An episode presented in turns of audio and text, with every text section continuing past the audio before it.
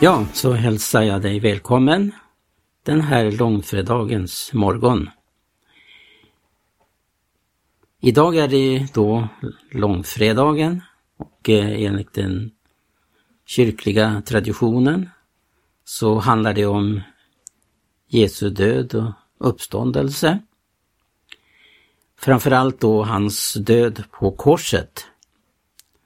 Och eh, det är väl det som just långfredagen särskilt gör oss påmind om.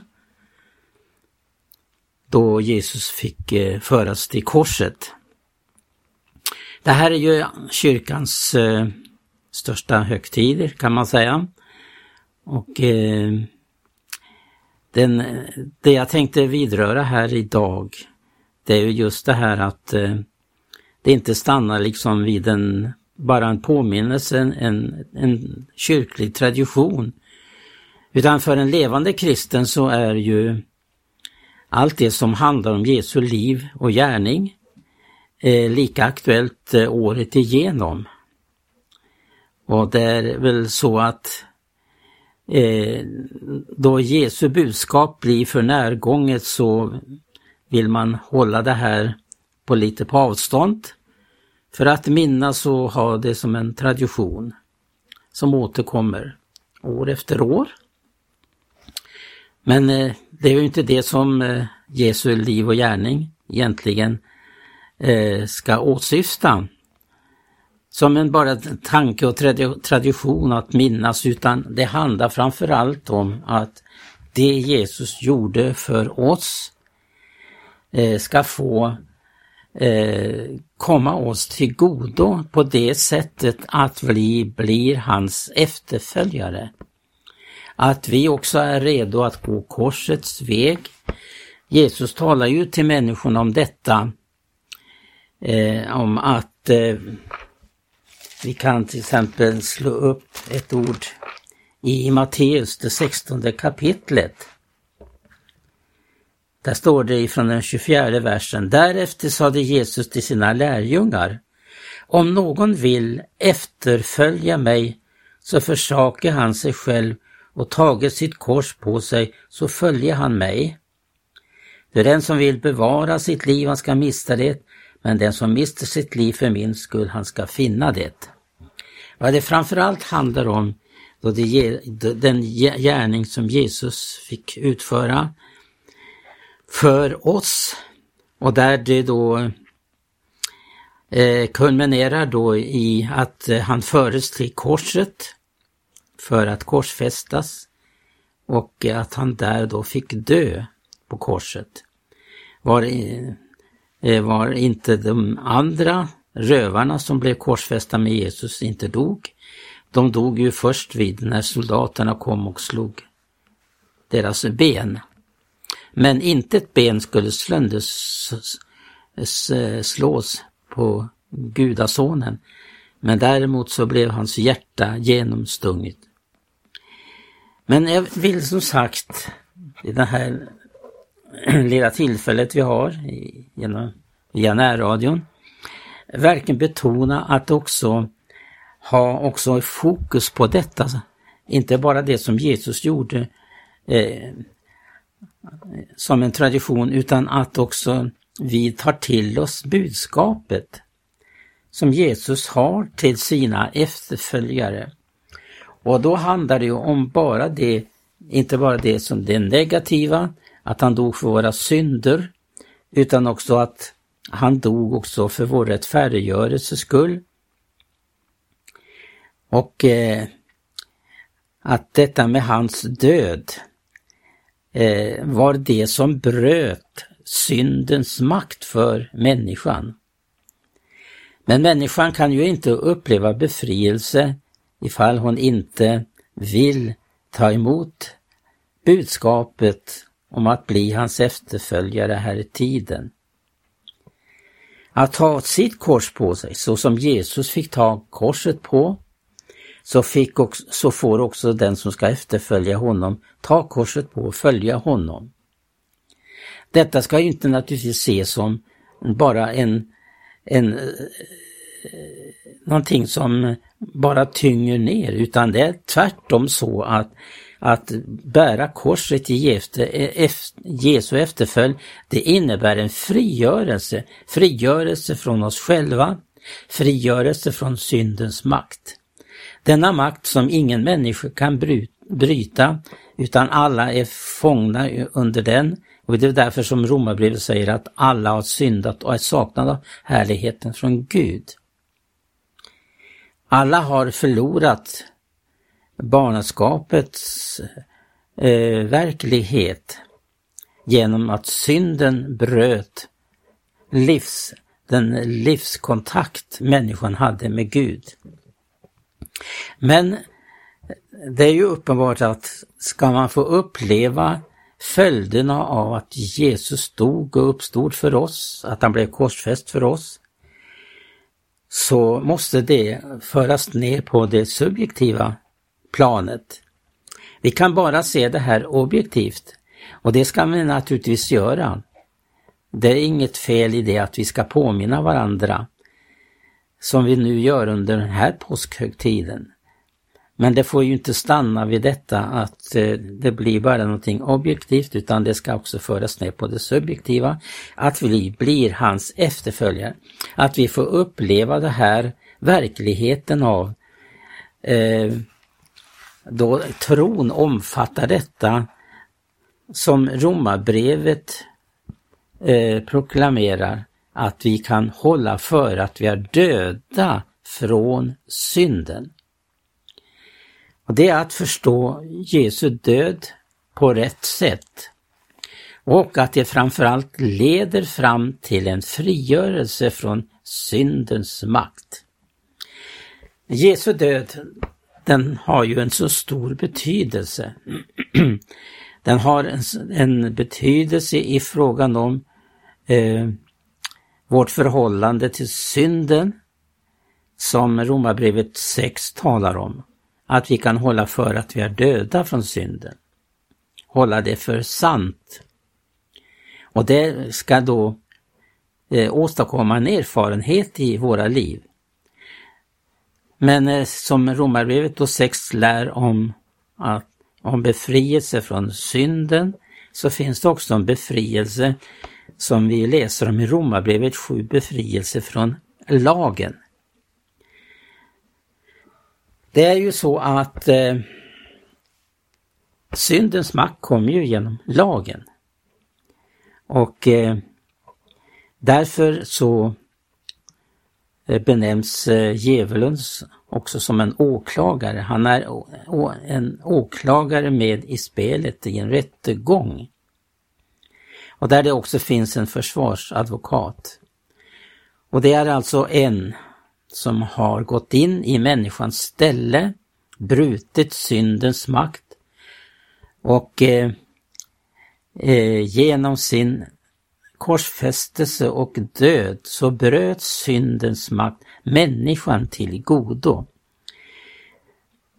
För det här det som handlar om det subjektiva, det är ju frågan om att Jesus, han blev korsfäst, död och uppstånden, inte för sin egen del utan för vår ställe. Han gick in i vårt ställe. Han tog straffet som vi skulle ta, ha det har han tagit på sig. Men för att förstå hur viktigt det är att föra fram det här på det subjektiva planet så handlar det ju om att eh, Bibeln säger ju då att Jesu död den, den omfattar alla människor, han har dött för alla människor. Men alla människor upplever ju inte naturligtvis konsekvensen av detta, bli fri från syndens makt. Inte förrän det man tar ställning för Jesus. För Jesus säger ju så här att den som inte är med mig, han är emot mig och den som inte församlar, han förskingrar. Antingen för eller är vi emot Jesu eh, budskap till oss. Det finns en intressant eh, eh bibelsammanhang Eh, där här skildras hur Jesus vann fullkomlig seger på korset. Eh, det står till exempel i Matteus, det tolfte kapitlet om att eh, fariseerna anklagade Jesus för att han, eh, det under han gjorde, det gjorde han hjälp av Belzebul, de onda andarnas furste. Att det var genom den som han driver ut de onda andarna. Men Jesus tillrättavisare säger så här att eh, vart rike som har kommit i strid med sig själv blir förött och inget samhälle eller hus som har kommit i strid med sig själv kan, bli, ha, kan havas för eh, bestånd. Om nu Satan driver ut Satan, då har han ju kommit i strid med sig själv. Och hur kan då hans rike äga bestånd? Då kommer Jesus in på en väldigt djup och underbar sanning när han säger att han liknas vid den starke. Jag läser där vers 29 och 30. Eller hur kan någon gå in i en stark mans hus och beröva honom hans bohag, så framt han icke förut har bundit den starke? Först därefter kan han plundra hans hus. Den som icke är med mig, han är emot mig och den som icke församlar, han förskingrar. Här eh, talar Jesus om sig själv som den starke. Eller starkare som har övervunnit den starke. Satan har alltså en stark position genom att han eh, fick in syndens makt i människosläktet. Men Jesus kom och eh, han övervann denne starke eftersom han är den som är starkare. Han har tagit ifrån honom hans eh, vapen. Han har berövat honom hans bohag. Och eh, här kan vi ju då förstå att Jesus tänker på denne som denne eh, djävul som håller hela världen i sitt våld och som eh, fångar människan genom att eh, han har ju rätt i det att människan har syndat och han då kommer med lagens bud för att bevisa att hon är en syndare. Hon är inte det också bara genom en bevisning utan är det i grunden. Människan eh, har blivit träl, alltså under syndens makt. Men Jesus bröt syndens makt när han dog på Golgata. Och när han säger då på korset, det är fullbordat. Då har han berövat denne starke det vapen som han höll människorna fast vid. Han bevakade sitt hus, står det i den här liknelsen.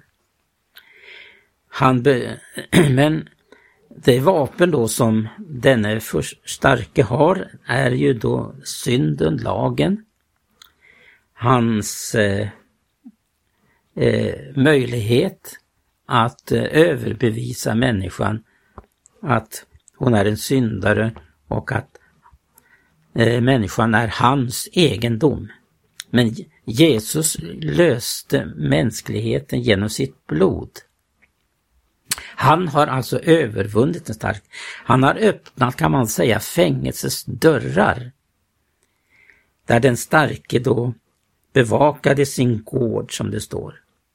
Men Jesus har övervunnit, han har öppnat fängelsets dörrar och därför är budskapet att den som tror budskapet kan eh, gå ut ifrån detta fängelse eftersom Jesus har övervunnit denne starke och öppnat fängelsesportar. Var och en kan komma ut i frihet om man tar emot budskapet och vill uppleva eh, följderna av att Jesus dog och uppstod i vårt ställe. Han har verkligen krossat ormens huvud. Men det jag särskilt vill understryka i den här sändningen det är just detta att vi ska få uppleva det här att det Jesus har gjort, det kom, kan komma oss till godo då vi tar emot erbjudanden att bli hans efterföljare. Som jag citerade nyss om att han kallade var och en att bli hans efterföljare, taga korset på. Uppleva att han har övervunnit den här världen. Jesus kom för att övervinna den här världen och denna världens furste. Vi behöver icke träla i världen, under världen, när vi tillhör ett annat rike. Vi har upplevt att Jesus har kallat oss och eh, tagit oss ut ur världen. Vi tillhör inte världen längre. Dess makt att hålla oss bundna i världen är bruten.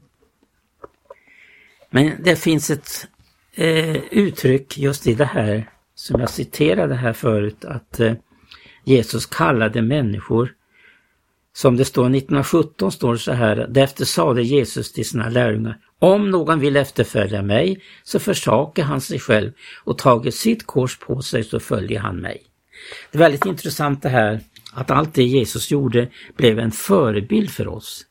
Han tog sitt kors på, vi ska också ta vårt kors på och följa honom. Men i Bibel 2000 som jag inte är så förtjust i har här i alla fall ett underbart ut, eh, uttryck just i den här versen. Och där står det så här, och Jesus sade till sina lärjungar, om någon vill gå i mina spår så måste han förneka sig själv, ta sitt kors och följa mig. Ja, vi kan begrunda Jesu död och uppståndelse hur mycket som helst och det kan inte ändå få några återverkningar i våra liv om vi inte har emot eh, vad det innebär att Jesus till exempel tog den gamla naturen. Vi kan befrias ifrån den gamla naturen. Vi behöver inte vara slav under synden. Vi behöver inte ställa våra lemmar längre i syndens tjänst. För Jesu seger på Golgata omfattar just detta att vi kan få del av den frigörelsens makt som det innebär att bli hans efterföljare. Det är denna seger att vi kan hålla för att vi är döda från synden. Att vi behöver icke träla under våra egna tankar, planer, utan vi kan bedja som Jesus gjorde. Han blev i allt vårt föredöme. Han bad i Getsemane, ske icke min vilja, utan ske din vilja. Bad han i en svår, mycket svår situation. Man räknar med att det var den svåraste stunden för Jesus när han var i ett semane, där han fick dricka kalken till botten. Det går icke att omfatta med mänsklig tanke vad detta innebär. Att Jesus, den rena, sanna, fick tömma kalken. All orenhet, all synd som människan representerar, det fick han ta på sig. Han fick dricka kalken som fadern gav honom. Men han gjorde det av fri vilja för oss. Och därom blir, får vi verkligen begrunda hur denna gudomliga kärlek har agerat. Men låt mig verkligen understryka detta. Är du en Jesu efterföljare? Är du beredd att ta korset på och följa honom? Att bli eh, missförstådd. Eh, du kommer inte att passa in i den här världen. För denna världen är fiende emot det Gud eh, har att ge människan. Vi ska tillhöra ett annat rike. Det här riket som Jesus kom för att demonstrera för människorna det riket är av himmelen.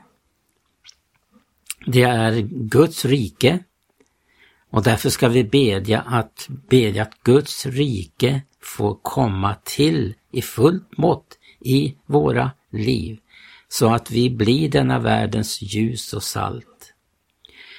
Det är oerhört detta att det finns en väg till seger. Det är inte förutan att eh, Paulus tar upp det här i Galaterbrevet om att vi behöver inte leva under köttets välde längre. Vi kan leva under andens välde, under andens lag. Det var en svår upplevelse för Paulus som han beskriver i Romarbrevet 7. När han eh, också fick erfara det här, hur han måste korsfästa sin egen möjlighet att eh, ta tur med den makt som bor i oss. För han skriver ju där att den, lem, den lag som är hans lemmar rår han inte på. Han beskriver att det är omöjligt. Och det är väldigt viktigt att kunna förstå att Jesus också har vunnit seger över det som eh, synden kan åstadkomma i en människas liv. Och hon kan aldrig vinna seger över det i egen kraft. Men han utropar i Romarbrevet, Gud vare tack då, att eh, det finns en lag, en andens lag, som är starkare än synden och dödens lag. Och därför får vi denna underbara undervisning i Romarbrevet om en fullkomlig seger över synden. Det här kan bli människors erfarenhet, en troendes erfarenhet, full seger över synden. Vi kan falla i synd, men vi ska inte leva i den. Vi ska vandra i anden. Och vandrar vi i anden så gör vi förvisso icke köttets gärningar. Tänk på detta att Jesus tog upp kampen i vårt ställe. Han tog upp kampen i det som världen representerar. Och eh, vi har alltså eh, erfara att eh, det som tillhör världen i vårt liv kan också bli övervunnet. Och därför är det så viktigt att vi får eh, Guds ordets tro på detta. Och det är därför som Johannes skriver i ett av breven att detta är den seger som har övervunnit världen, vår tro. Men många får ju erfara att man får köra slut på sig själv. Eh, det man försöker mobilisera.